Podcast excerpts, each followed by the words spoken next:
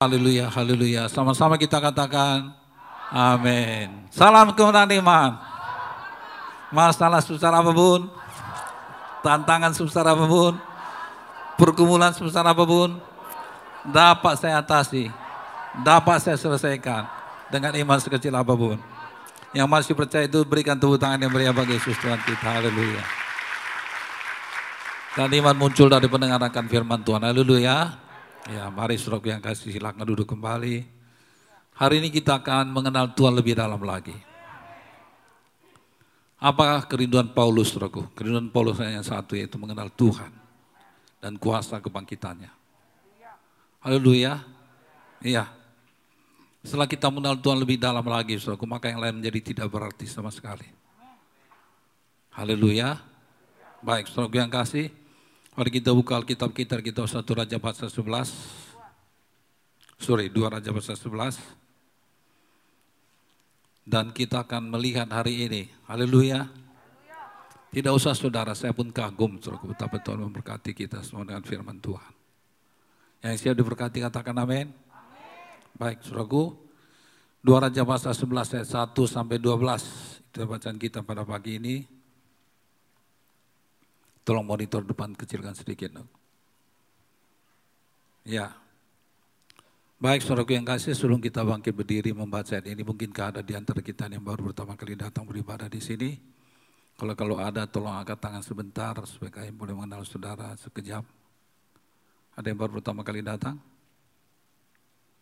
Puji Tuhan selamat datang, Tuhan berkati. Ada lagi yang lain? Baik, kita berikan tepuk tangan bagi Tuhan Yesus. Selamat datang adikku, Tuhan berkati. Tolong sebentar ditinggal sudah kebaktian ini supaya kami boleh mengenal lebih dalam lagi. Baik, mari kita bagi berdiri, kita akan membaca dengan bergantian. Saya dengan kaum pria akan membaca ayat yang ganjil, dan saudara kaum wanita membaca ayat yang genap. Lalu ayat yang ke-12 akan berbicara mengenai, kita bicara, kita membaca secara bersama-sama. Ya, bacalah ayat ini dengan penuh perhatian, saudaraku kali ini bicara mengenai satu hal yang sangat penting, mengenai perebutan kekuasaan dan seterusnya ya. Baik. Saya membaca dengan kaum pria ayat 1. Mari kita baca sama-sama 2 3 ya. Ketika Alia ibu Asia melihat bahwa anaknya sudah mati, maka bangkitlah ia membinasakan semua keturunan raja.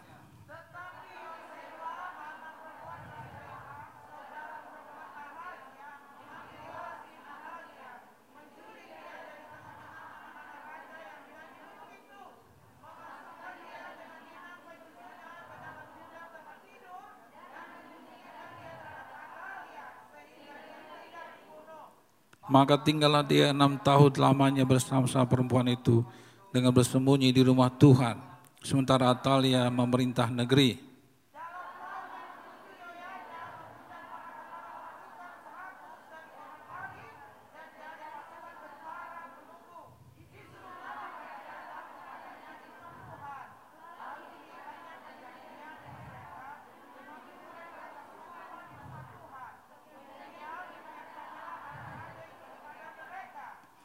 Sesudah itu ia memerintahkan kepada mereka, ini harus kamu lakukan. Seperti dari kamu yang yang selesai bertugas pada hari sabat di sini, tetapi mengawal istana raja,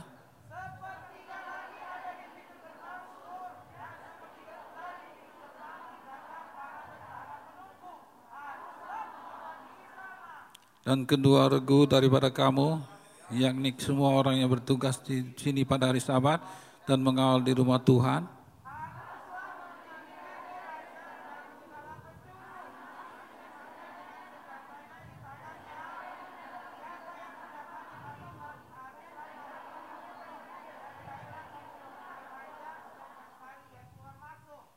Pada kepala pasukan 100 itu melakukan tepat seperti diperintahkan Imam Yuyada, masing-masing mengambil orang-orang yang selesai bertugas pada hari sabat bersama-sama dengan orang-orang yang masuk bertugas pada hari itu, lalu datanglah mereka kepada Imam Yuyada.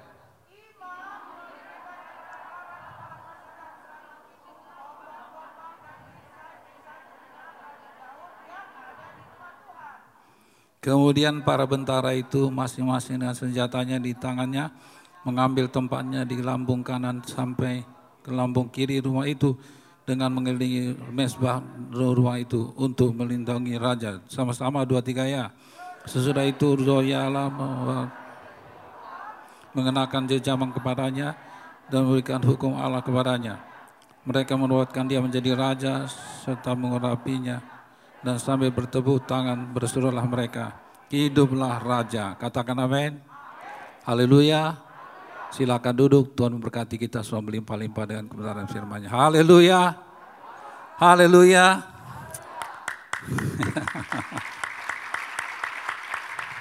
Tuhan Yesus baik, Tuhan tolong saya. Haleluya.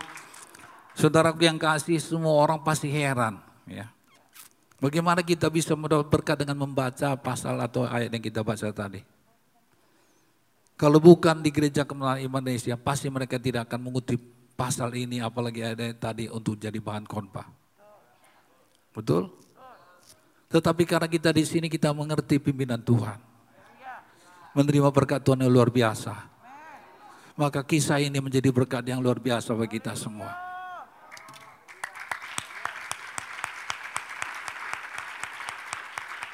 Hari ini kita akan mengenal Tuhan lebih dalam lagi. Lewat kisah ini kita akan mengenal Tuhan lebih dalam lagi. Haleluya. Ya, saudara yang kasih nama Yesus Kristus. Puji Tuhan buat kebenaran-kebenaran yang Tuhan singkapkan kepada kita dalam sidangnya ini. Dan kebenaran-kebenaran itulah yang pertama membebaskan kita. Membebaskan kita dari segala kelemahan dan kekurangan. Lalu membawa kita masuk lebih dalam kepada rencana Tuhan. Yang percaya bahwa Tuhan punya rencana atas hidupnya katakan amin.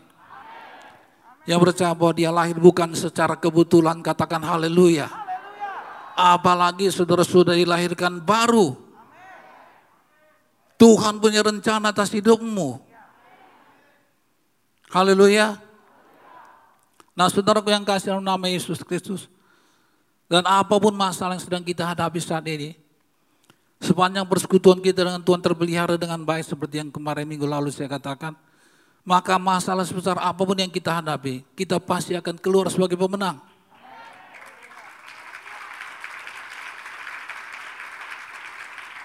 Apakah persoalan corona, apakah persoalan ekonomi, itu persoalan apa pun. Kalau saya bicara mengenai corona tidak akan habis-habisnya, betul apa tidak? Bahkan ke mana-mana bisa korban dan seterusnya bisa membuat orang khawatir. Yang paling penting adalah apa? Persekutuan kita dengan Tuhan terpelihara dengan baik. Kalau persekutuan kita dengan Tuhan baik, kita pasti dapat perlindungan, kita pasti diberkati dan kita pasti menjadi berkat bagi banyak orang. Haleluya. Ya, karena dalam segala perkara Tuhan sudah berikan sebuah jaminan pasti. Bahwasanya kekuatan kita akan bisa mengatasi pencobaan sebesar apa pun juga. Dikatakan dalam 1 Korintus 13 ayat 10, 1 Korintus 10 ayat 13 dikatakan apa? Kita semua tahu itu bukan? Pencobaan-pencobaan kamu alami adalah pencobaan-pencobaan yang biasa, termasuk pencobaan sekarang ini. Itu biasa saja bagi Tuhan. Firman Tuhan ya dan amin. Firman Tuhan berkata ini pencobaan biasa, bukan pencobaan yang luar biasa. Memang ini belum pernah kita alami, tetapi sekali lagi Alkitab berkata pencobaan yang kita alami sekarang ini pencobaan yang biasa saja. Tidak lebih dari kekuatan kita sebagai manusia. Pada waktu kita dicoba, kita akan mendapatkan jalan keluar. Sehingga kita akan cakap dalam menanggungnya. Pasti. Oleh karena itu satu hal yang pasti, yang penting kita lakukan apa tadi? Persekutuan kita dengan Tuhan terpelihara dengan baik. Haleluya. Nah saudaraku yang kasih dalam nama Yesus Kristus. Oleh karena itu mari kita lakukan bagian kita dengan sungguh-sungguh. Maka Tuhan pun akan melakukan bagiannya. Haleluya. Kalau kita melakukan firman Tuhan itu apa yang dia katakan, maka apa? Tuhan pun akan melakukan apa yang dia katakan. Nah sebelum saya lanjutkan lebih jauh, haleluya.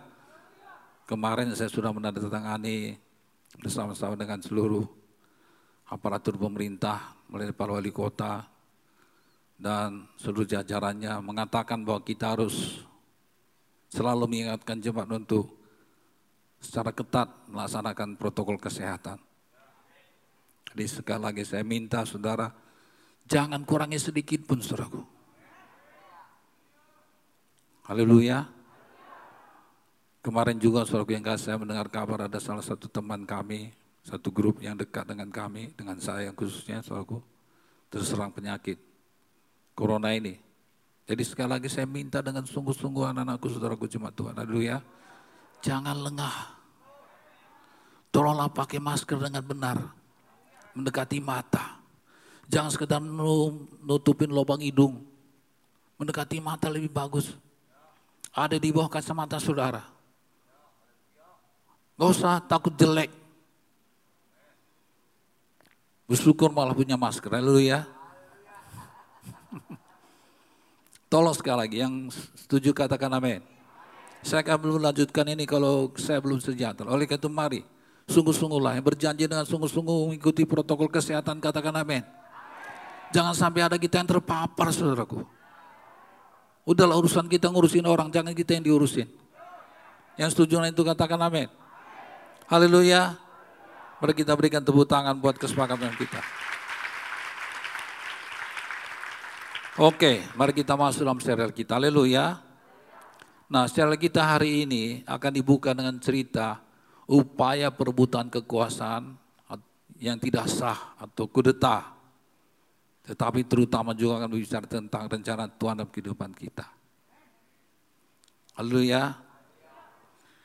Kita akan melihat bahwa bagaimanapun juga janji dan rencana Tuhan dalam hidup kita pasti digenapi.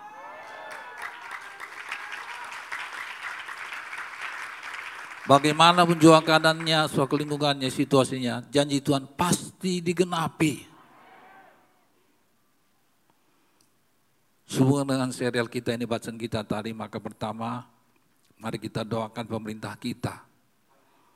Karena apa situasi politik memang demikian rupa kita tidak tahu, tetapi ada kegerakan-kegerakan yang terjadi. Kita tidak mengerti sampai sekarang ini.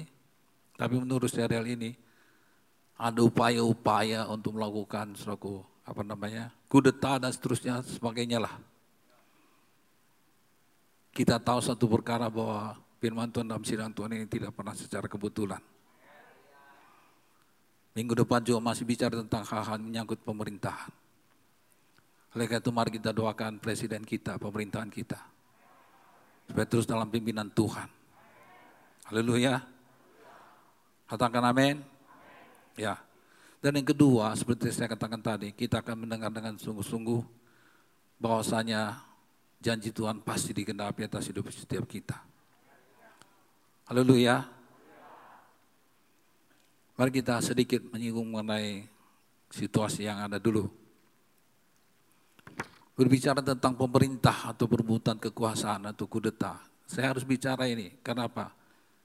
Karena kita harus punya beban doa Haleluya. Bicara tentang pemerintah dan perebutan kekuasaan atau kudeta. Sebenarnya bukan saja sekarang. Namanya dunia ini, saudaraku ya.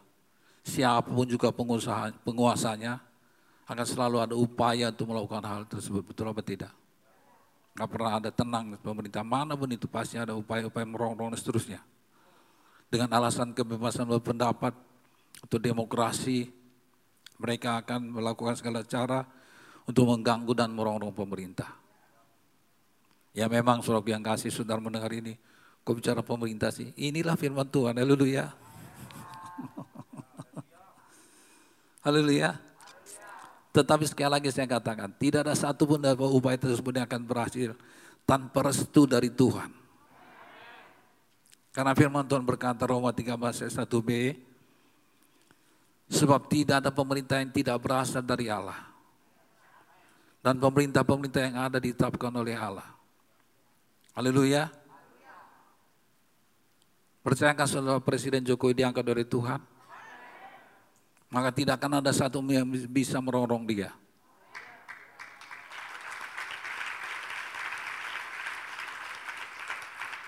Haleluya. Yang percaya apa yang saya katakan, katakan amin. Doakan terus. Ayolah sedikit, haleluya. Nah, kita melebar sedikit lah. Saudaraku yang kasih di mana-mana perebutan kekuasaan itu akan selalu mengatasnamakan kepentingan atau kehidupan orang banyak. Namun di balik semuanya itu akan selalu ada kepentingan pribadi, kelompok dan golongan. Betul apa tidak? Dan akan ada selalu pemain utama atau aktor intelektualnya. Memang di GKI nggak biasa khotbah seperti ini, amin. Haleluya. Tapi inilah dia firman Tuhan, katakan amin. Jadi selalu ada apa? Aktor intelektualnya, pemain utamanya. Dan di dalam kasus ini orang itu adalah Atalia, ibu Raja Ahasya, Raja Ahasya yang sudah mati dibunuh. Siapa aktor utamanya? Atalia. Ayat satu tadi dikatakan apa? Ayat satu tadi dikatakan apa? Ketika Atalia ibu Asia melihat bahwa anak-anaknya sudah mati, maka bangkitlah ia membinasakan semua keturunan raja cucunya dibantainya habis. Dan dia menjadi apa? Ratu. Ada apa tadi? Perebutan kekuasaan. Saya tentunya tidak akan melewatkan ini. Makanya saya katakan kepada saudara, mari kita doakan pemerintah kita. Kita sudah dengar ada upaya-upaya seperti itu, kita doakan. Haleluya. Tapi sekali lagi seperti yang saya katakan tadi, kalau tidak atas rencana Tuhan, tidak satu pun bisa terjadi. Kalau tidak direstui oleh Tuhan maka tidak satu pun boleh terjadi. Dan kita percaya yang mengangkat Presiden Joko Widodo dan pemerintahnya adalah Tuhan sendiri. Haleluya. Karena tidak ada pemerintah yang tidak berasal daripada Tuhan.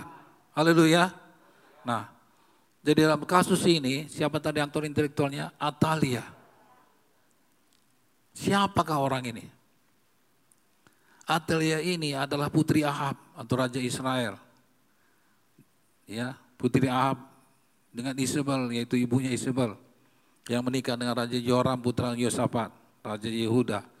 Dan Ahasia anaknya, anak kandungnya menjadi raja menggantikan Joram suaminya. Saya nggak perlu itu Pak. saya juga tahu, saya sebenarnya juga nggak perlu. Haleluya. Tapi Tuhan suruh bacakan, amin. Seperti bacaan kita tadi, haleluya. Ketika yang mendengar bahwa Ahazia mati, anaknya mati, ya, apalagi suaminya Yoram juga sudah mati, maka ia membantai semua cucunya, yaitu anak-anak Asia, dan mengangkat dirinya menjadi apa tadi? Ratu. Katakan amin.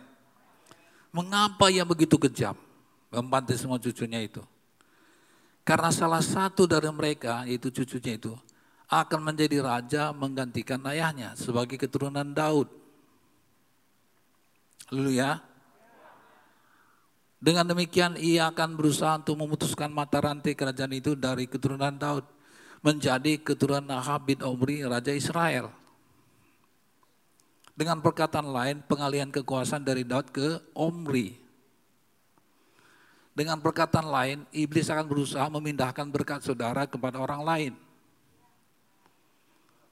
Dengan perkataan lain, rencana Tuhan yang indah atas hidupmu akan dipindahkan oleh iblis ke tempat yang lain. Bisakah itu terjadi? Bisa apa tidak? Jawabannya tidak bisa. Karena rencana Tuhan, janji Tuhan pasti digenapi.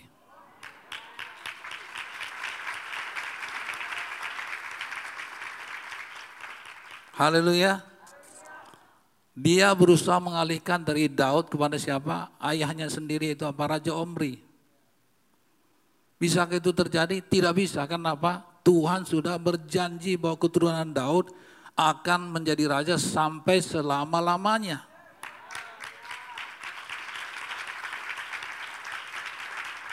Apa yang sudah jadi milik saudara tidak seorang pun yang bisa mengambilnya. Sebelumnya ketahuilah terlebih dahulu apa yang menjadi milik saudara. Bagaimana saudara bisa mempertahankannya kalau saudara sendiri tidak tahu apa yang menjadi milik saudara? Pertanyaannya adalah apakah yang menjadi milik saudara? Itulah yang penting sekarang ini. Apa? Keturunan Daud menjadi raja dan menjadikannya menjadi keturunan ayahnya sendiri itu Omri. Tidak mungkin bisa. Kenapa? Tuhan sudah berjanji apa tadi? Keturunan Daud akan menjadi raja sampai apa? Selama-lamanya. Coba kita lihat dari dua Raja pasal 8 ayat 19. Ini kan minggu lalu sudah kita bahas ini. Haleluya. Namun demikian Tuhan tidak mau memusnahkan Yehuda oleh karena apa? Daud hambanya. Sesuai dengan yang dijanjikannya kepada Daud bahwa ia hendak memberikan keturunan kepadanya dan kepada anak-anaknya untuk berapa lama? Selama-lamanya.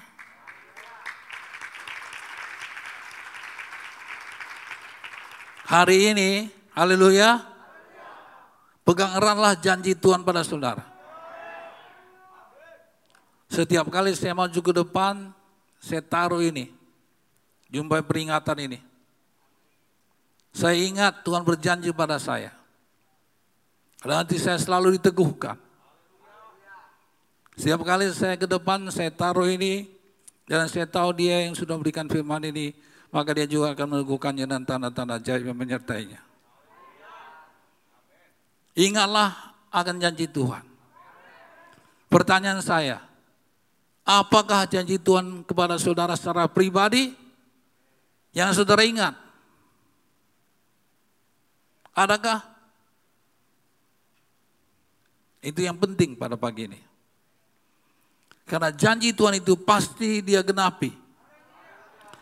Tidak peduli bagaimanapun situasi kondisi saudara, janji Tuhan itu pasti digenapi. Haleluya. Kita akan melihat buktinya hari ini. Amin. Nah, setelah yang kasih janji Tuhan itu terdapat kita satu raja pasal yang ke-11 ayat yang ke-36.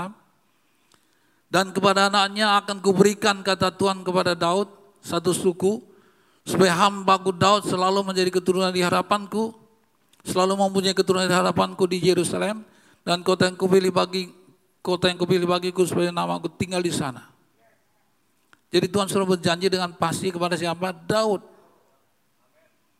Janji itu akan digenapi bukan saja bahkan bagi saudara, tapi sampai kepada anak cucu saudara.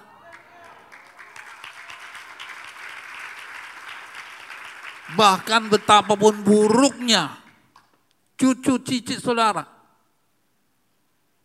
Janji Tuhan akan tetap digenapi. Haleluya. Ahasi adalah orang yang menyembah berhala. Yoram juga demikian. Mereka adalah keturunan Daud. Tapi janji Tuhan terhadap Daud tetap dipenuhi, tetap digenapi. Haleluya. Peganglah itu, saudaraku.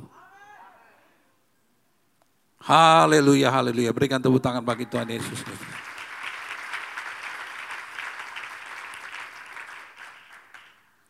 Bagaimana janji Tuhan terhadap Daud itu digenapi? Dari kitab 2 Raja pasal 11 tadi kembali. Ada kedua sampai tiga. Saya sekarang minta Ibu Gembala untuk membacakannya. Dua Raja 11 ayat yang kedua nanti kita yang baca kembali yang tadi. Haleluya. Dua Raja pasal 11 ayat 2. Tetapi Yoseba, anak perempuan Raja Yoram, saudara perempuan Ahazia, mengambil Yoas bin Ahazia, menculik dia dari tengah-tengah dari tengah-tengah anak-anak raja yang hendak dibunuh itu memasukkan dia dengan inang penyusunya ke dalam gudang tempat tidur dan menyembunyikan dia terhadap Atalia sehingga dia tidak dibunuh. Ya. Maka tinggallah dia enam tahun lamanya bersama-sama perempuan itu dengan bersembunyi di rumah Tuhan. Sementara Atalia memerintah negeri. Haleluya. Yang pertama setelah melihat di sini bahwasanya bagaimana Tuhan menggerakkan Yoseba ini untuk menyelamatkan Yoas anak Yahasya bin Yoram. Siapa dia itu tadi? Keturunan Daud. Tuhan menggerakkan seseorang untuk menyelamatkan keturunan Daud ini. Supaya apa? Janji Tuhan tentang Daud digenapi. Tuhan bisa menggerakkan seseorang untuk melakukan sesuatu dalam kehidupan saudara. Supaya janjinya digenapi. Haleluya. Haleluya. Nah, minggu yang lalu kita sudah dengar bahwa kalau Tuhan sudah berfirman dan berencana, apalagi berjanji, maka Tuhan akan menciptakan situasi dan kondisi sedemikian rupa yang mendukung Sehingga rencana Tuhan itu akan terlaksana.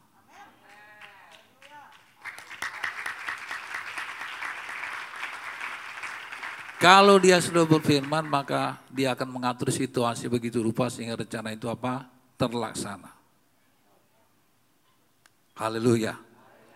Jadi bukan karena kekuatan saudara, karena memang situasi dan kondisi mendukung.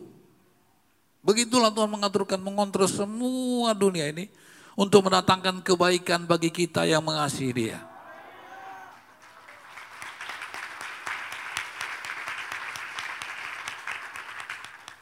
Tuhan akan menggerakkan hati orang di sekitar kita, haleluya, maupun yang datang dari jauh untuk mendukung dan memberkati kita. Saudara ingat bagaimana Tuhan menggerakkan orang majus datang dari jauh yaitu dari timur untuk membawa persembahan kepada Yesus? Yang ingat itu katakan amin. Kalau gak ingat itu pasti bukan orang Kristen. Haleluya. Persembahannya emas, perak apa? Dan mur. Betul? Nah, saudaraku yang kasih, lalu dengan modal dan berbekal persembahan mereka itu apa? Yusuf dan Maria pergi dan tinggal tuh sementara di Mesir sampai Herodes yang hendak membunuhnya mati.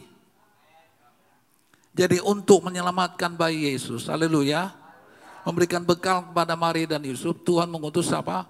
Orang-orang majus dari jauh untuk memelihara mereka.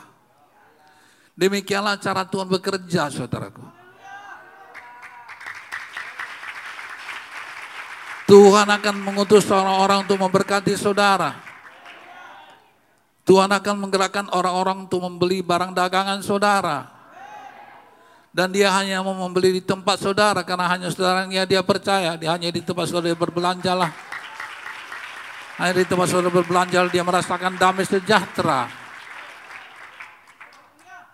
Haleluya. Berikan tepuk tangan dulu bagi Tuhan Yesus. Demikian dengan Yohas ini. Bayi Yohas ini. Sama seperti Tuhan menjamah hati putri Firaun untuk menyelamatkan bayi Musa dari sungai Nil. Demikianlah juga Tuhan menggerakkan hati Yoseba untuk menyelamatkan dia. Apakah saudara pikir itu kebetulan? Apa saudara pikir itu kebetulan? Tidak. Tidak saudaraku. Tuhan yang ngatur semuanya itu. Mari kita lihat kembali kisah itu, haleluya. Alkitab menuliskan, senok yang kasih, bahwa jumlah orang Israel di Mesir bertambah banyak. Makin ditekan, makin bertambah banyak mereka. Haleluya. Makin ditekan, makin berkembang. Itulah orang Kristen. Makin banyak nyaya, makin banyak berdoa. Makin banyak berdoa, makin banyak mujizat terjadi.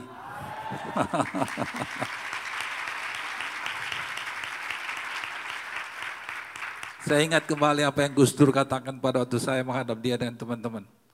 Saya disuruh melaporkan, so aku siapkan bahan-bahan begitu rupa, saya sudah bawa map gereja-gereja yang teraniaya.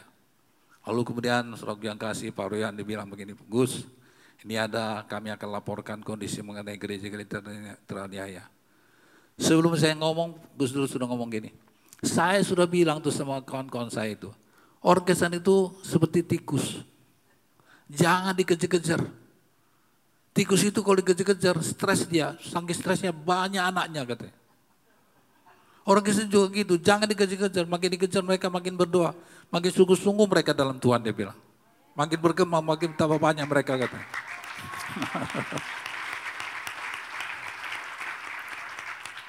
saya simpat balik maaf saya, percuma nih kalau begitu, haleluya. Ya deh Gus, haleluya, udah selesai dengan Gus Dur, katakan amin.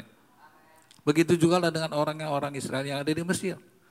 Makin ditekan, makin bertambah banyak mereka.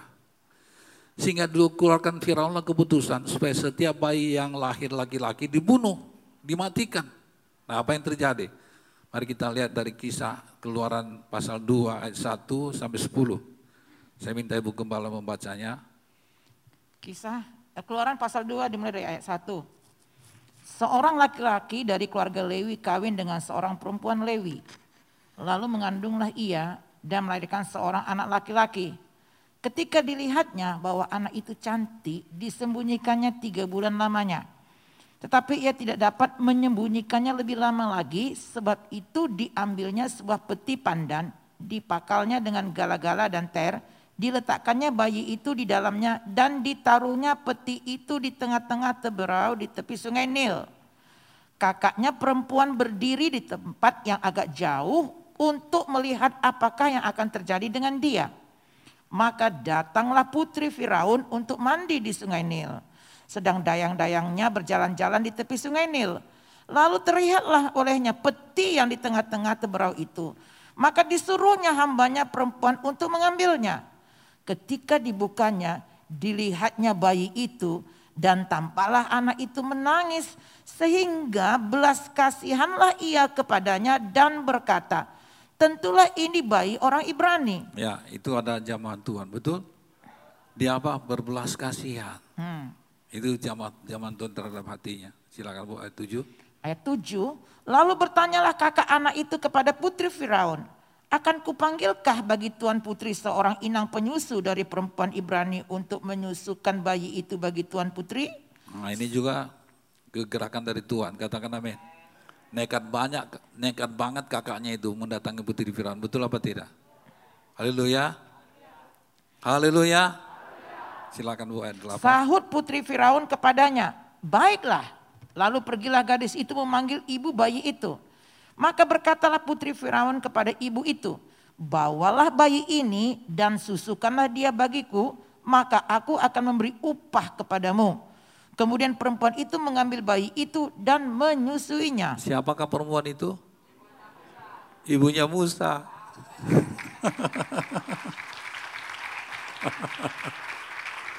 Oke silakan ayat yang ke-10. Ketika anak itu telah besar, dibawanyalah kepada putri Firaun yang mengangkatnya menjadi anaknya dan menamainya Musa. Sebab katanya, karena aku telah menariknya dari air. Berikan tepuk tangan bagi Tuhan kita. Bukan saja Musa selamat dari pembunuhan, malah ibunya dapat upah menyusui bayinya sendiri. Katakan amin.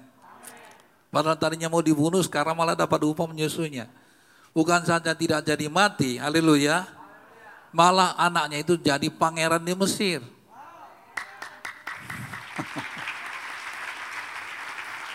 Itulah saudara dan saya.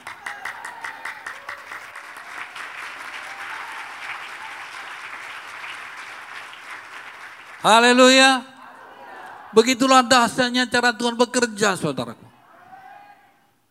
Sehingga kalau benar ada seseorang berhasil dalam hidupnya, kalau otaknya sehat dia harus mengerti dan menyadari ini semata-mata karena anugerah Tuhan dalam kehidupan saya. Maka dia tidak akan pernah bisa meninggikan diri. Haleluya. Karena memang kenyataannya seperti itu. Inilah kenyataannya tentang kisah Musa. Haleluya. Demikian juga kita melihat bagaimana Yoseba ini Dipakai Tuhan bukan saja untuk menyelamatkan bayi Yoas dari upaya pembunuhan dari neneknya, tetapi untuk mengangkat dia menjadi raja, melanjutkan kedudukan ayahnya. Tadi kita sudah baca itu bukan? Haleluya. Nah sekarang pertanyaan adalah siapakah Yosef atau Yosabat ini? Dari kitab 2 Tawari pasal 22 ayat 11. Silakan Bu baca Bu ayat 11. 2 Tawari pasal 22 ayat 11. Tetapi Yosabat. Ya, Yosabat itu sama dengan Yoseba ya, silakan. Yosabat anak perempuan raja mengambil Yoas bin Ahazia menculik dia dari tengah-tengah anak-anak raja yang tidak dibunuh itu.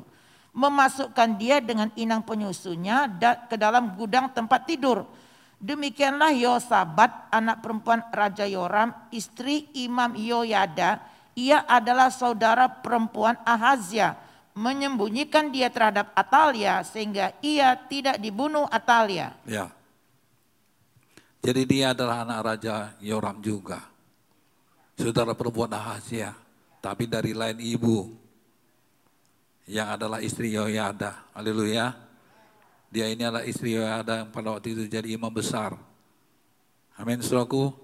Dengan demikian Yoas ini adalah keponanya sendiri.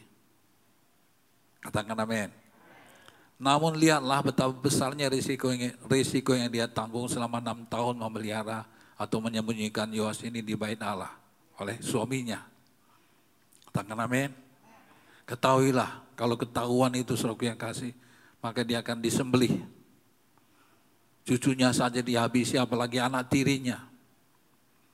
Ada dulu pekat pepatah berkata begini. Lu ya, ibu tiri yang kejam, betul apa tidak? Sekejam-kejamnya ibu tiri lebih kejam ibu kota. Katakan amin. Jadi kalau dia tahu bahwasanya orang ini sedang menyembunyikannya itu cucunya itu pasti dia dihabisi. Enam tahun lamanya dia simpan, bayangkan itu. Katakan amin. Haleluya. Nah, setelah itu apa yang mereka itu Sebat dan Yoyada suaminya lakukan terhadap saudaraku yaitu Yoas ini. Ada yang keempat, silakan Bu. Ayat keempat. Dalam tahun yang ketujuh Yoyada mengundang para kepala pasukan seratus dari orang Kari dan dari pasukan bentara penunggu. Disuruhnyalah mereka datang kepadanya di rumah Tuhan. Lalu diikatnya perjanjian dengan mereka dengan menyuruh mereka bersumpah di rumah Tuhan. Kemudian diperlihatkanlah anak raja itu kepada mereka. Sesudah sesudah itu ia memerintahkan kepada mereka, Inilah yang harus kamu lakukan. Sepertiga dari kamu, yakni yang selesai bertugas pada hari Sabat di sini, tetapi mengawal di istana raja. Ya, itulah yang tadi diberikannya tugas untuk mengawal siapa? Yoas. Haleluya. Perhatikan ayat 4 tadi katakan di mana itu? Dipanggilnya ke rumah Tuhan. Dan bersumpah di mana? Di rumah Tuhan. Kenapa ini penting? Nanti saya berikan pesan khusus tentang ini. Ayat 9 silakan Bu loncat Ayat 9. Ya. Para kepala pasukan seratus itu melakukan tepat seperti yang diperintahkan Imam Yoyada. Masing-masing mengambil orang-orangnya yang selesai bertugas pada hari sabat bersama-sama dengan orang-orang yang masuk bertugas pada hari itu. Lalu datanglah mereka kepada Imam Yoyada. Imam memberikan kepada para kepala pasukan seratus itu tombak-tombak dan perisai-perisai kepunyaan Raja Daud yang ada di rumah Tuhan Kemudian para bentara itu masing-masing dengan senjatanya di tangannya mengambil tempatnya di lambung kanan sampai ke lambung kiri rumah itu dengan mengelilingi mesbah dan rumah itu untuk melindungi raja. Sesudah itu Yoyada membawa anak raja itu keluar mengenakan jejamang kepadanya dan memberikan hukum Allah kepadanya. Mereka menobatkan dia menjadi raja serta mengurapinya dan sambil bertepuk tangan berserulah mereka, hiduplah raja. Haleluya. Demikianlah mereka makan Yos menjadi apa? Raja. Katakan amin. Meneruskan warisan leluhurnya Raja sesuai dengan apa tadi? Janji Tuhan. Yang mengerti sampai di sini berikan tepuk tangan dulu bagi Tuhan itu. Jadi yang penting kita pegang hari ini adalah apa? Kalau Tuhan sudah berjanji dia pasti akan apa? Menepati. Bagaimana juga pasti terjadi. Haleluya. Nah saudaraku tetapi hari ini kita ditambahkan lagi pengertian. Bahwa untuk hal tersebut terjadi. Tuhan memakai orang-orang yang di sekitar kita. Untuk membawa dan menolong kita agar sampai kepada rencana Tuhan tersebut. Dan orang itu ternyata Bukan mesti orang tua kita. Tuhan memakai ada orang-orang tertentu untuk membawa saudara sampai kepada rencana Tuhan. Siapakah orang itu, saudara? Ada orang yang Tuhan pakai untuk membawa saudara sampai kepada rencana Tuhan. Mari kita dengarkan firman Tuhan ini. Haleluya.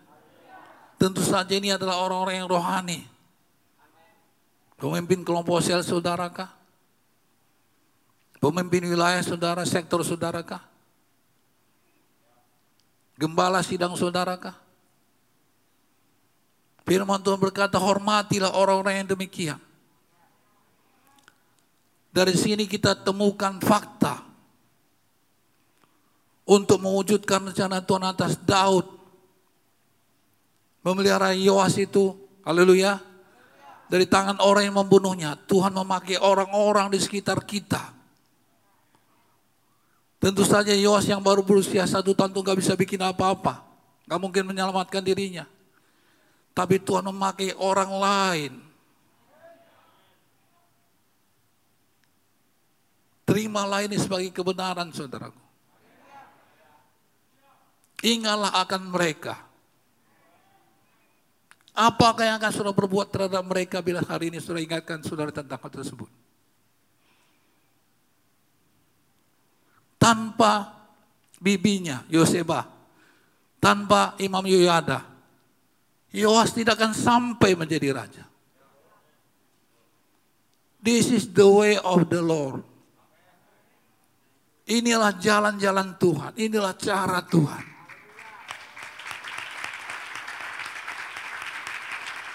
Bukan kebetulan. Begitulah Tuhan mengontrol segala sesuatu di atas muka bumi ini dalam kehidupan kita. Untuk mendatangkan kebaikan bagi kita. Terutama supaya dia bisa mengenapkan janjinya dalam kehidupan saudara. Makanya firman Tuhan juga dengan tegas berkata, taatilah pemimpin-pemimpinmu yang berjaga-jaga atas jiwamu. Supaya mereka melakukannya tidak dengan keluh kesah tapi dengan sukacita.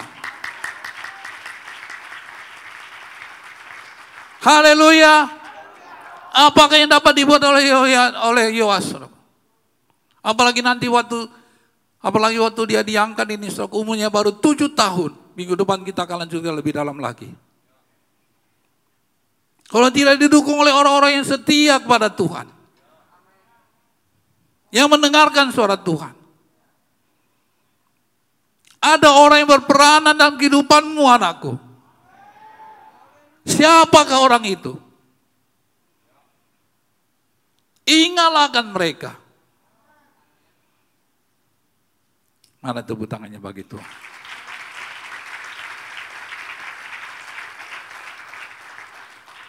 Yang setuju dengan ini katakan amin. Ini adalah fakta. Haleluya. Haleluya. Mau berhasil? Mau masuk rencana Tuhan? Ada orang-orang di sekitar saudara yang Tuhan pakai itu saudara sampai ke sana.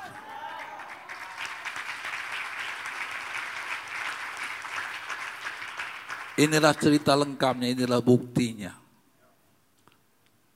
Dan saya percaya ini bukan kebetulan dari kita dengar. Mungkin ada orang yang sedang punya masalah dengan hubungan, punya masalah tentang hubungannya dengan pemimpin rohaninya, dengan senioritasnya, dan seterusnya, dan seterusnya. Haleluya.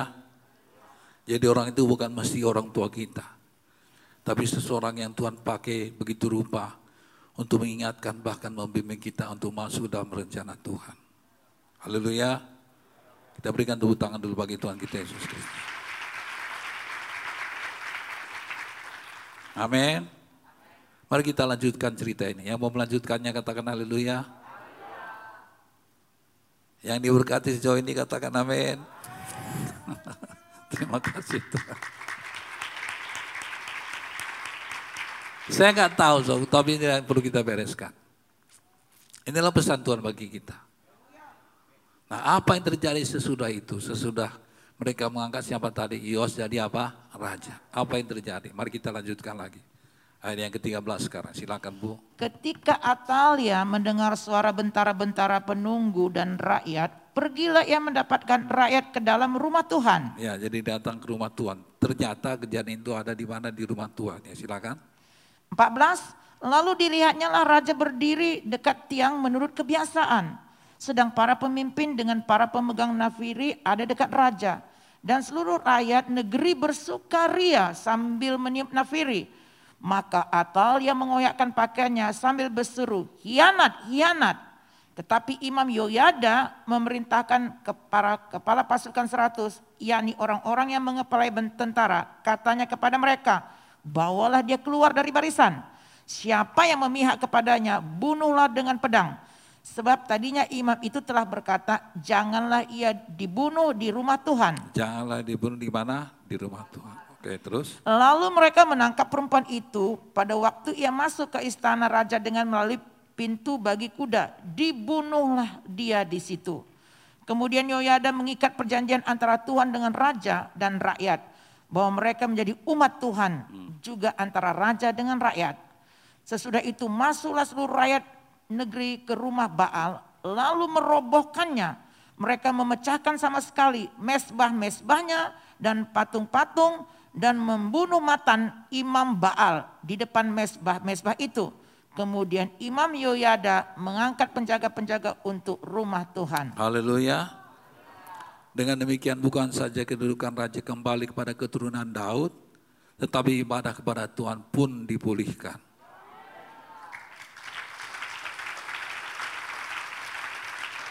Haleluya. Ayat 18 saya dikatakan apa? Sesudah itu masuklah seluruh rakyat negeri ke rumah Baal. Karena rumah Tuhan sudah dijadikan rumah Baal oleh siapa? Atalia. Lalu merobohkan merobohkannya. Mereka memecahkan sama sekali mesbah-mesbah Baal itu dan patung-patung dan membunuh matan imam Baal. Di depan mesbah itu. Kemudian Imam Yoyada mengangkat penjaga-penjaga untuk rumah Tuhan. Rumah Tuhan jadikan rumah penyembah berhala oleh siapa? Atalia. Nah sekarang dipulihkan kembali semua. Itulah kalau Tuhan sudah bekerja. Haleluya. Dikatakan dalam kitab 2 Tauri 24 dan yang ketujuh. Sebab anak-anak Atalia perempuan fasih itu telah membongkar rumah Allah. Bahkan memakai barang-barang kudus rumah Tuhan untuk para Baal. Betapa sedihnya hati Tuhan, sakitnya hati Tuhan. Haleluya. Oke, seterusnya silakan boleh 19 Ayat 19 Sesudah itu ia mengajak para kepala pasukan seratus, orang-orang kari dan para bentara penunggu dan seluruh rakyat negeri. Lalu mereka membawa raja turun dari rumah Tuhan. Mereka masuk ke istana raja melalui pintu gerbang para bentara. Kemudian duduklah raja di atas tahta kerajaan. Bersukarialah seluruh rakyat negeri dan amanlah kota itu setelah Atalia mati dibunuh dengan pedang di istana raja. Yoas berumur tujuh tahun pada waktu ia menjadi raja. Berapa tahun? Tujuh tahun. Walaupun cuma tujuh tahun, dia sudah diangkat. Inilah cara Tuhan untuk mengembalikan seluruh rencananya atas kehidupan bangsa ya, pilihannya, yaitu bangsa Yehuda dan bangsa Israel. Haleluya. Berikan tepuk tangan dulu bagi Tuhan kita. Tidak lazim umur tujuh tahun jadi raja, bukan? Tapi kita akan lihat ke depan bahwasanya Yoas ini ternyata jadi raja yang luar biasa. Kenapa? Hari ini saya akan beritahu kuncinya. Amin, saudaraku. Nah, saudaraku yang kasih dalam nama Yesus, kuncinya apa? Selain berkat-berkat yang sudah dia kita terima tadi, membaca kisah ini, dan membaca kisah ini, saya tahu bahwa Tuhan ingin mengingatkan kita satu hal. Yaitu karena apa? Karena Yoas ini ada di rumah Tuhan. Enam tahun itu dia dididik di sana terus menerus. Sehingga matang dia. Haleluya. Dan memang pusat atau seluruh kegiatan itu ternyata dilakukan di mana? Di rumah Tuhan. Di satu tempat, cuma satu tempat di mana itu saudaraku? Rumah Tuhan. Jadi berkat Tuhan itu memang tidak jauh-jauh dari rumah Tuhan saudaraku.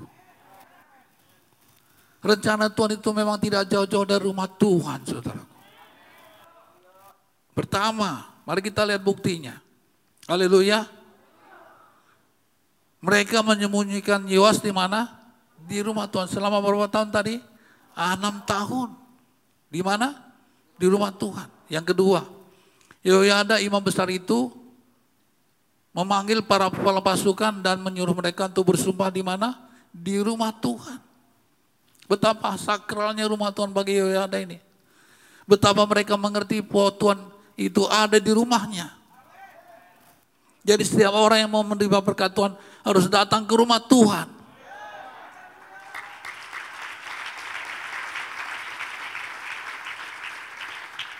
Ayat yang empat tadi saya membaca ulang ya. Dalam tahun yang ketujuh Yoyada mengundang para kepala pasukan 100 dari orang Kari dan para pasukan berantara penunggu. Disuruhnya mereka bersumpah datang kepadanya di mana? Di rumah Tuhan. Lalu dikatnya perjanjian dengan mereka dengan menyuruh mereka bersumpah di mana? Di rumah Tuhan. Kemudian diperlihatkannya raja itu kepada mereka. Ayat ini berkali-kali mengingatkan kepada kita tentang rumah Tuhan, rumah Tuhan, rumah Tuhan. Saya tahu ada pesan yang khusus Tuhan mau sampaikan bagi kita supaya kita selalu suka dan tinggal dan selalu rindu datang ke rumah Tuhan.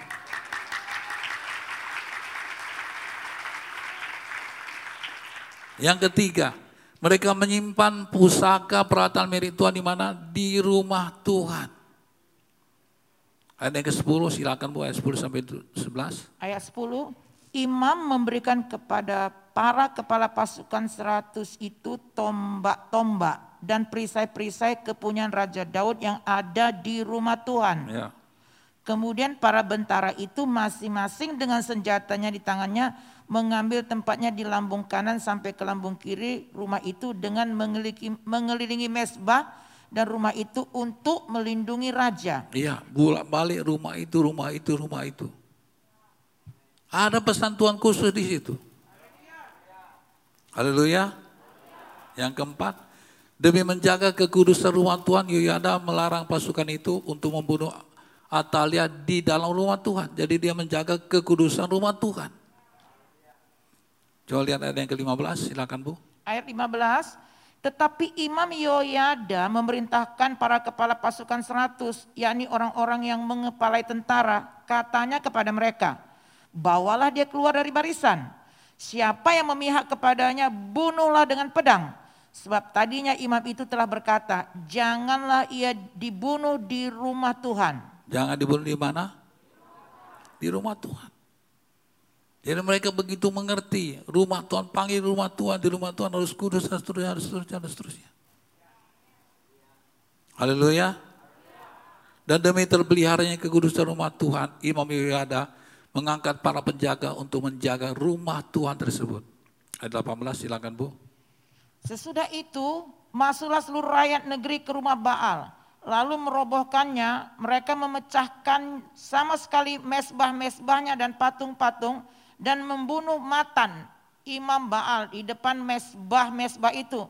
Kemudian Imam Yoyada mengangkat penjaga-penjaga untuk rumah Tuhan. Ya, amin. Jadi rumah Tuhan harus dijaga apa? Kekudusannya.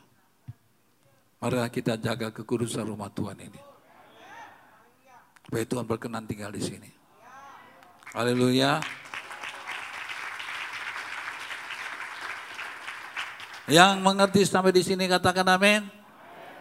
Jadi dari kenyataan ini saudaraku, haleluya, terbuktilah bahwa berkat kegiatan dan rencana Tuhan itu memang tidak jauh-jauh dikerjakan dari rumah Tuhan atau dari gereja.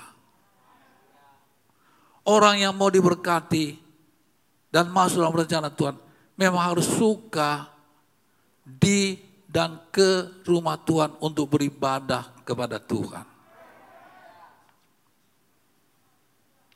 Bagaimana saudara bisa berkata saudara mau masuk dalam rencana Tuhan?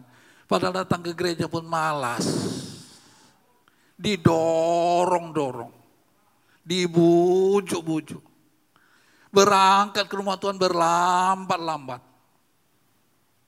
Anakku sadarilah. Haleluya. Didoakan dulu. Baru datang ke rumah Tuhan. Lalu katanya, aku mau masuk pada rencana Tuhan. Bagaimana itu bisa terjadi saudaraku? Bukalah pikiran saudara. Mengakukah saudara hanya Tuhan yang bisa mengangkat saudara jadi kepala? Mengakukah saudara hanya Tuhan yang bisa membuat saudara menjadi berhasil? Kalau demikian datanglah kepada Tuhan. Di manakah saudara bisa bertemu dengan Tuhan? Di rumah Tuhan. Saudara.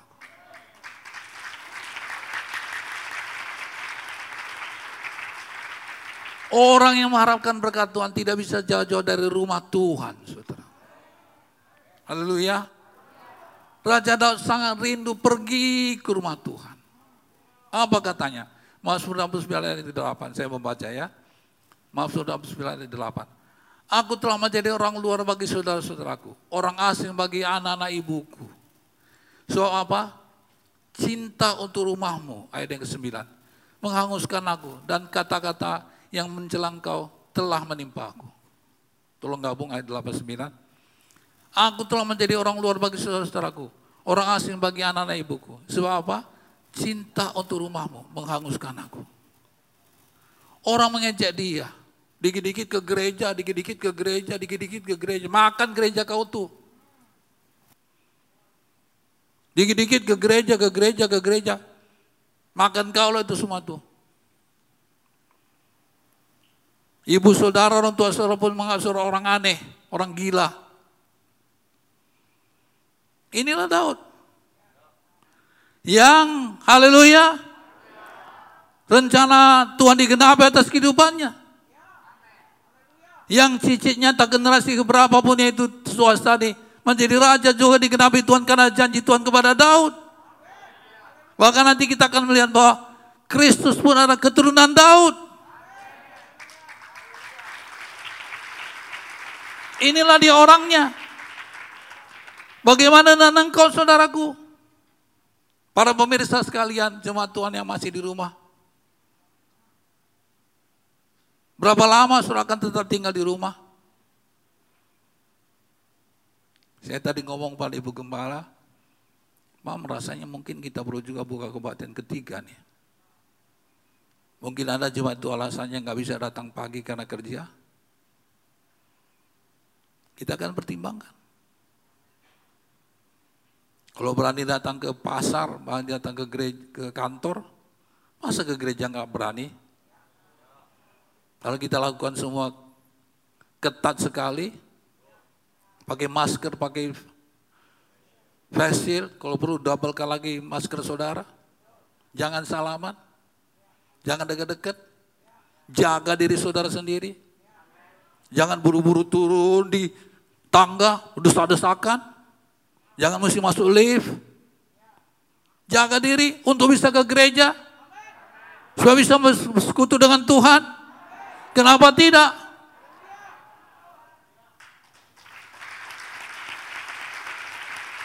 Kalau perlu kita buat empat kali. Pikirkan ini. Haleluya. Bahkan Daud sangat rindu untuk membangun rumah Tuhan.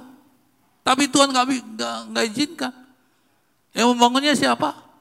Salomo. Betapa sedihnya hati Daud. Itulah yang sedang kita bicarakan ini. Itulah orang yang berkenan kepada Tuhan. Bukan semata-mata karena dia sungguh-sungguh bahkan dia adalah orang yang melakukan kenajisan, kesemaran, pembunuhan begitu rupa. Tapi hati Daud. Ini fakta anakku. Inilah faktanya saudaraku. Mau diberkati Tuhan? Dekat-dekatlah kepada Tuhan. Datanglah ke rumah Tuhan. Anda tepuk tangannya bagi Tuhan.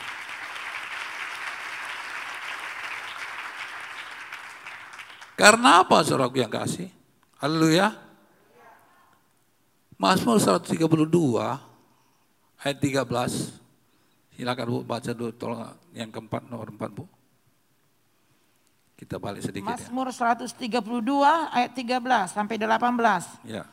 Sebab Tuhan telah memilih Sion mengingininya menjadi tempat kedudukannya. Ya, Sion itu adalah apa? Gereja. Gereja. Tuhan memilih gereja. Kamu butuh aku datang ke ke Sion, di situ aku ada. Amin. Aku mengingininya jadi tempat tinggalku. Yang mau ketemu Tuhan katakan amin. amin. Yang mau diberkati Tuhan katakan amin. Di mana tempatnya? Di mana? Di mana? di gereja.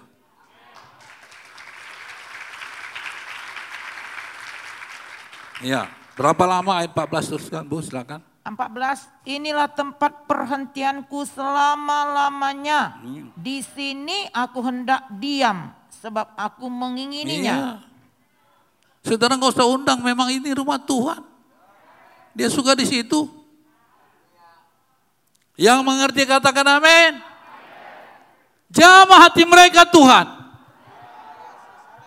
Cinta rumahmu menghanguskan aku kata Daud. Siapa membangun rumah Tuhan pasti diberkati Tuhan. Siapa datang ke rumah Tuhan pasti mendapatkan berkat daripada Tuhan. Haleluya. Ayat yang berikutnya 15 Bu silakan. 15. Perbekalannya akan ku berkati dengan limpahnya Orang-orangnya yang miskin akan ku kenyangkan dengan roti. Imam-imamnya akan kukenakan pakaian keselamatan dan orang-orangnya yang saleh akan bersorak-sorai dengan girang. Haleluya. Terus? Di sanalah aku akan menumbuhkan sebuah tanduk bagi Daud. Aku akan menyediakan sebuah pelita bagi orang yang kuurapi. Musuh-musuhnya akan kukenakan pakaian penuh malu. Tetapi di atas kepalanya akan bersemarak mahkotanya. Ya. Haleluya saudaraku. Inilah kebenaran. Gak usah pusing.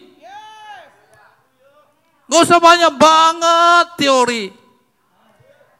Saya bisa khotbah tentang akhir zaman, saudaraku saya punya bahannya. Tapi saya nggak pernah digerakkan Tuhan untuk mengkhotbahkannya. Kadang-kadang saya pikir perlu juga lah, kepingin juga saya. Supaya mereka tahu bahwa saya tahu akhir zaman. Haleluya.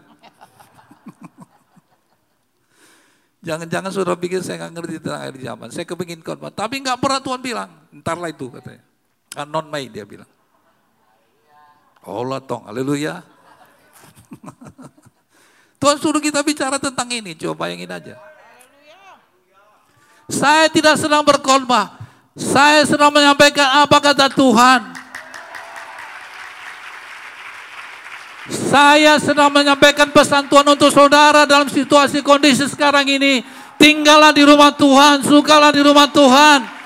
Di rumah Tuhan saudara akan dilindungi, di rumah Tuhan saudara akan diberkati. Bahkan di rumah Tuhan saudara akan diajari oleh Tuhan. Haleluya. Di gereja kita dilindungi. Mazmur 76 ayat 2 dikatakan begini.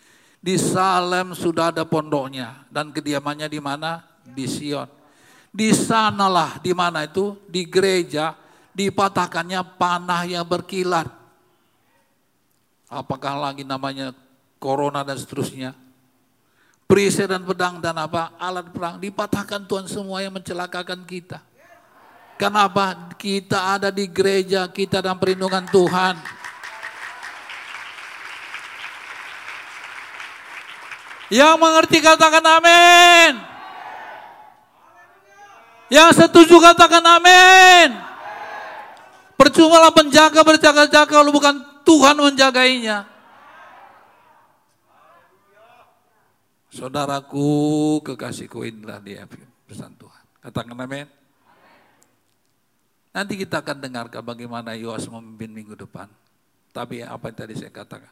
Di gereja lah dia diajari oleh Imam Yoyada, oleh tantenya. Haleluya tante. Haleluya. Coba kita lihat apa dikatakan di Yesaya pasal 2 ayat 2 dan 3. Silakan Bu. Yesaya pasal 2 ayat 2 dan 3. Akan terjadi pada hari-hari yang terakhir, gunung tempat rumah Tuhan akan berdiri tegak di hulu gunung-gunung dan menjulang tinggi di atas bukit-bukit. Segala bangsa akan berduyun-duyun ke sana.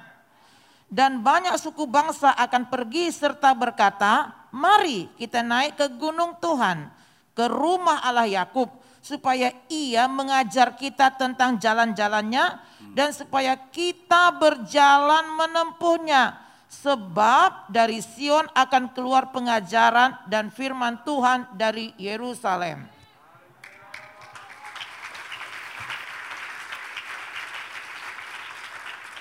Ayat 3 dikatakan, mari kita naik ke gunung Tuhan, ke rumah Allah Yakub, ke rumah Allah Yakub supaya ia apa? mengajar kita tentang jalan-jalannya. Bagaimana jalan keluar dari masalah saya? Bagaimana saya mendapatkan jawaban atas doa saya?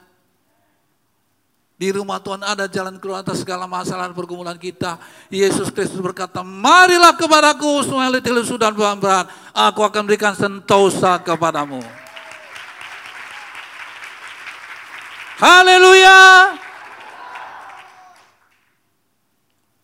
Yang sudah ada dalam posisi itu bersuka citalah saudara.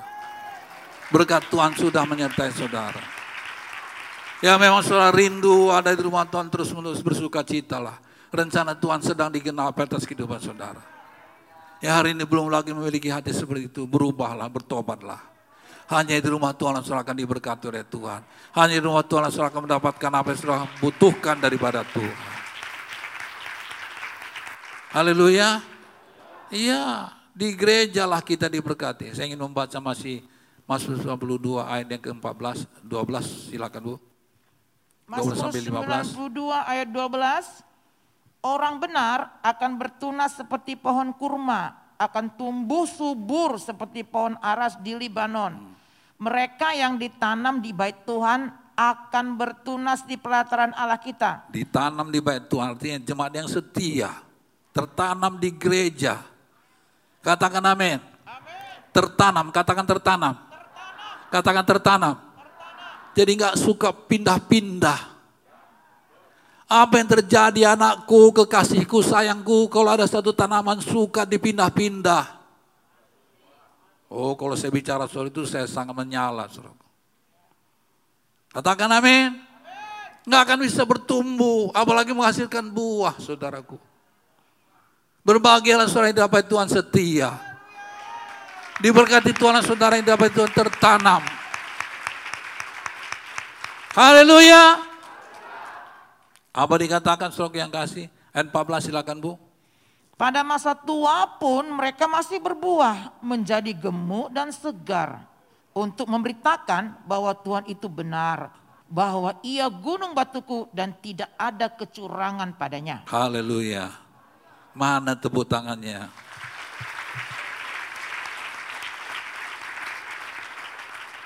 Pada masa tua pun mereka masih berbuah, menjadi gemuk dan segar untuk beritakan bahwa Tuhan itu benar, bahwa ia gunung batuku dan tidak curangan padanya.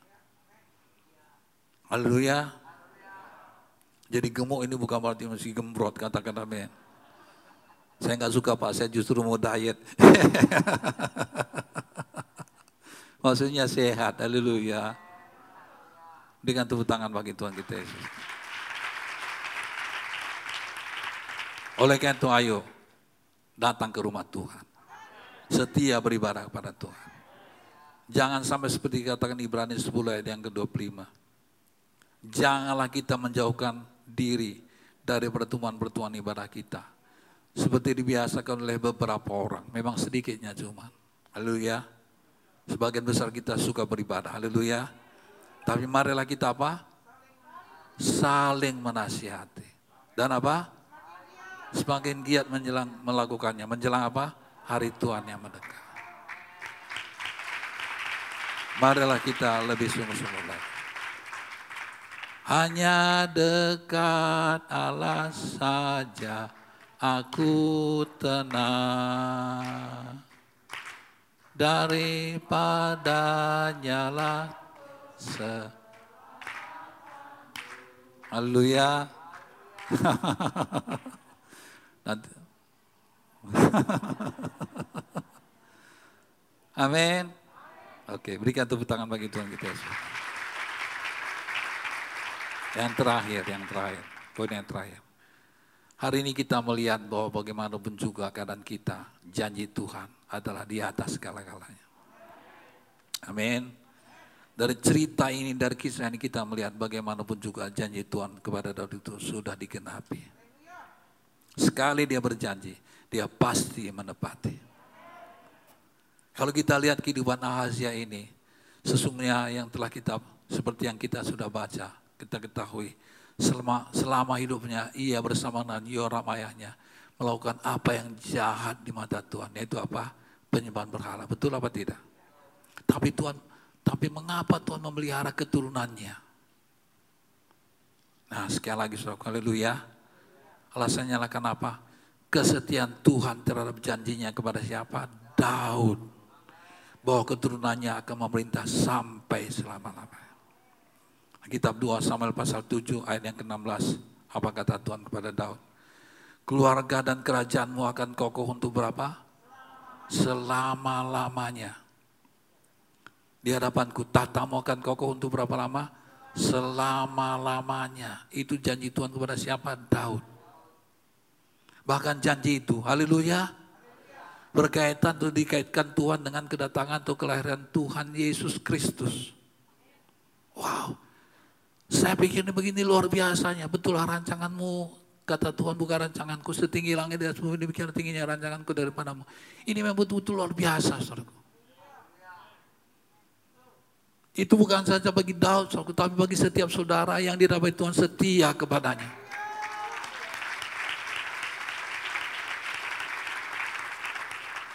Saudara tahu betul-betul kisah tentang Daud bukan? Kelemahannya, kekurangannya saudara tahu bukan?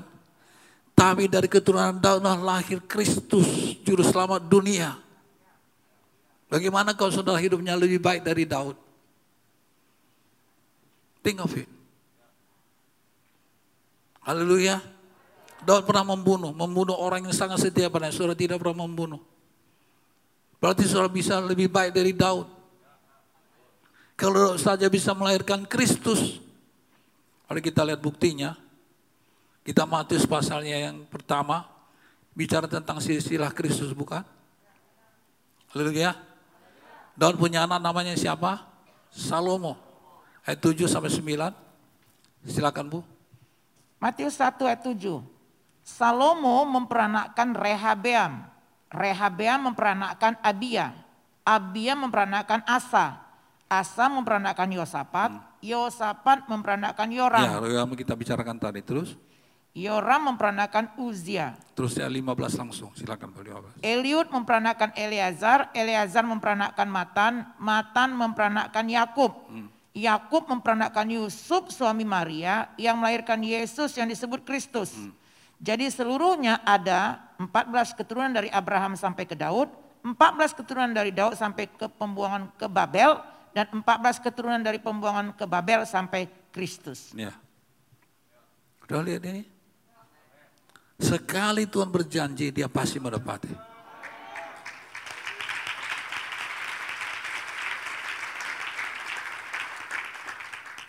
Mari kembali lagi tanya, kembali lagi bongkar.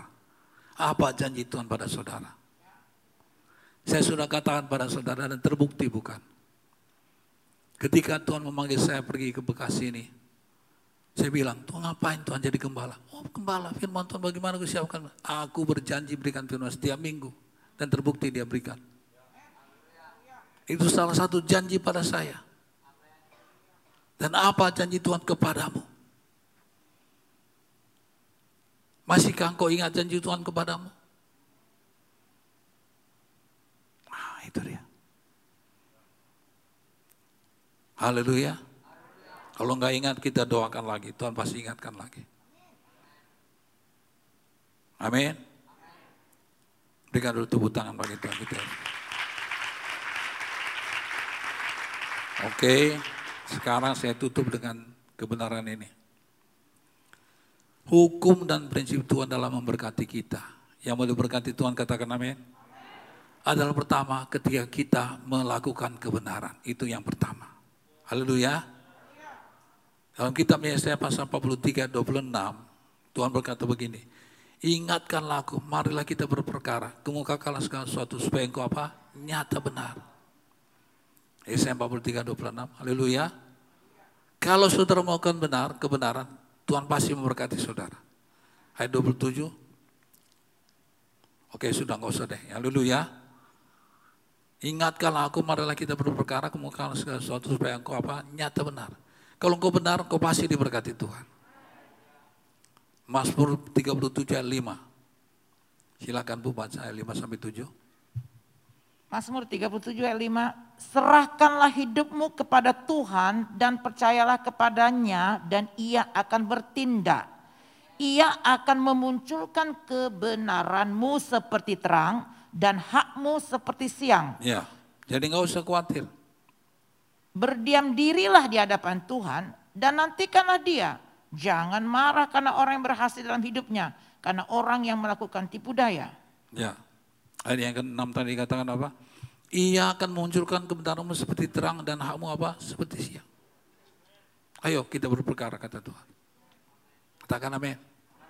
Haleluya. Haleluya. Dengarkan, dengarkan, dengarkan. Jadi kalau saudara melakukan kebenaran, saudara pasti apa? Diberkati. Mari kita berperkara. Kalau engkau benar, Tuhan pasti memunculkan kebenaranmu seperti apa? Siang. Katakan amin.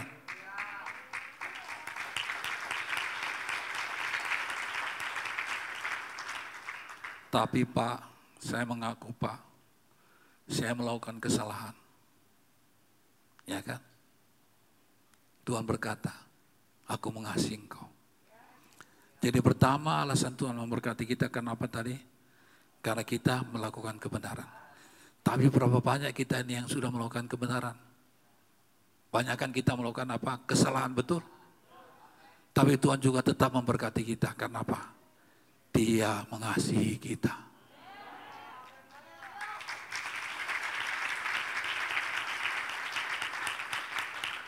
Dia bukan saja mengasihi kita, bahkan dia menyelamatkan kita. Karena kitab Yohanes pasal 3, 16 berkata apa? Karena begitu besar kasih Allah akan dunia ini. Orang berdosa ini. Sehingga ia telah mengandungkan yang tunggal. Setiap orang yang percaya, yang percaya katakan amin tidak binasa melainkan apa? Beroleh hidup yang kekal. Sorga saja Tuhan beri, apalagi dunia ini. Karena apa saudaraku? Karena kasih. Apalagi saudara memang melakukan kebenaran. Melakukan dosa pun tetap dikasih dan tetap diselamatkan. Bahkan tetap diberkati. Karena apa? Kasih, katakan kasih Katakan kasih. Kasih apa? Menutupi banyak kali dosa. Mari kita baca itu satu Petrus pasal 4 yang ke-8. Tetapi yang terutama apa? Kasihlah sungguh-sungguh seorang yang lain. Nah ini yang Tuhan minta dari kita sekarang. Bagaimana kita berkata kita mengasihi Tuhan padahal kita tidak mengasihi sesama kita. Yang mau dikasih Tuhan katakan amin. Uji dulu sesama saudara mengasihi apa tidak. Haleluya. Selesai tuntas. Melakukan dosa it's okay. Nggak apa-apa Tuhan mengampuni kita. Sebagaimana Tuhan mengampuni kita, ampuni juga orang lain. Sebagaimana Tuhan mengasihi kita, kasih juga orang lain. Sebagaimana Tuhan memberkati kita, berkati juga orang lain. Karena apa? Kasih menutupi banyak kali dosa. Jadi pertama tadi apa? Melakukan kebenaran, pasti diberkati. Yang kedua, kita diberkati juga karena apa? Tuhan mengasihi kita. Walaupun kita melakukan kesalahan. Walaupun kita melakukan dosa. Karena kasih menutupi banyak kali. Dengan catatan kita pun apa? Mengasihi orang bersalah pada kita. Yang terakhir. Haleluya. Seperti yang Daud dan keturunnya alami. Karena apa? Janji Tuhan kepadanya harus ditepati. Ya, berikan tepuk tangan jangan ragu-ragu.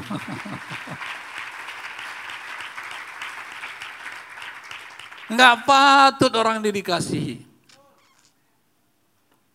Yoram dan anaknya Ahasia melakukan dosa begitu keji. Rumah Tuhan mereka jadikan rumah berhala. Tapi karena Tuhan sudah berjanji kepada Daud, keturunannya akan tetap ada sampai selama-lamanya. Haleluya. Maka Tuhan pasti menggenapi janjinya. Yang mengerti katakan amin. Apa kata Yosua? Yosua pasal 23 yang ke-14. Tolong Bu silakan baca. Yosua 23 14. Maka sekarang sebentar lagi aku akan menempuh jalan segala yang fana. Sebab itu insaflah dengan segenap hatimu dan dengan segenap jiwamu bahwa satu pun dari segala yang baik yang telah dijanjikan kepadamu oleh Tuhan Allahmu tidak ada yang tidak dipenuhi. Semuanya telah digenapi bagimu. Tidak ada satu pun yang tidak dipenuhi. Janji Tuhan pasti digenapi. Haleluya. Dan puncaknya saya bacakan. Bahkan ketika kita didapati Tuhan tidak setia pun Seperti Atalia, sorry, seperti Asia, seperti Yoram ayahnya. Tuhan tetap juga mengenapkan janji. Itu Allah Tuhan kita.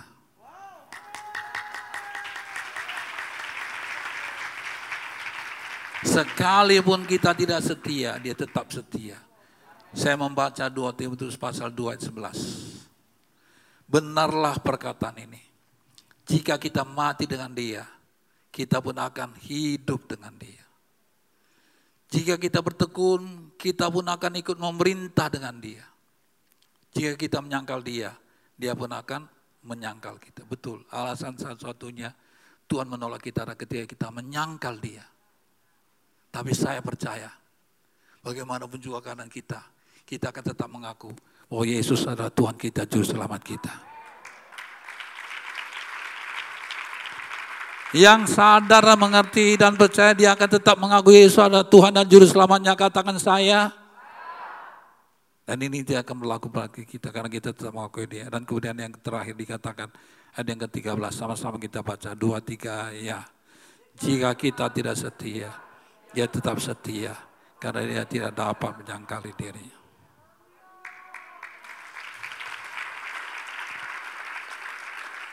Jadi perhatikan tiga langkah tadi. Pertama apa? Kita ternyata tidak melakukan kebenaran. Walaupun kita tidak melakukan kebenaran, dia tetap memberkati kita. Karena apa? Dia mengasihi kita. Kita tidak pantas dikasih karena kita melakukan penyembah berhala terus begitu rupa. Tapi dia tetap juga memberkati kita karena apa?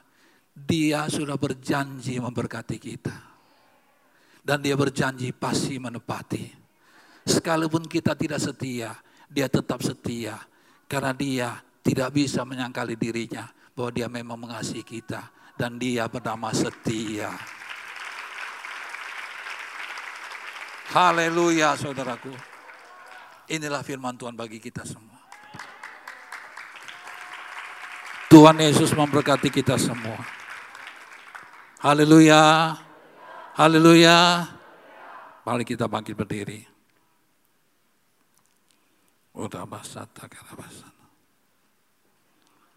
Kita nyanyikan lagu kasih setiamu Tuhan yang ku rasakan.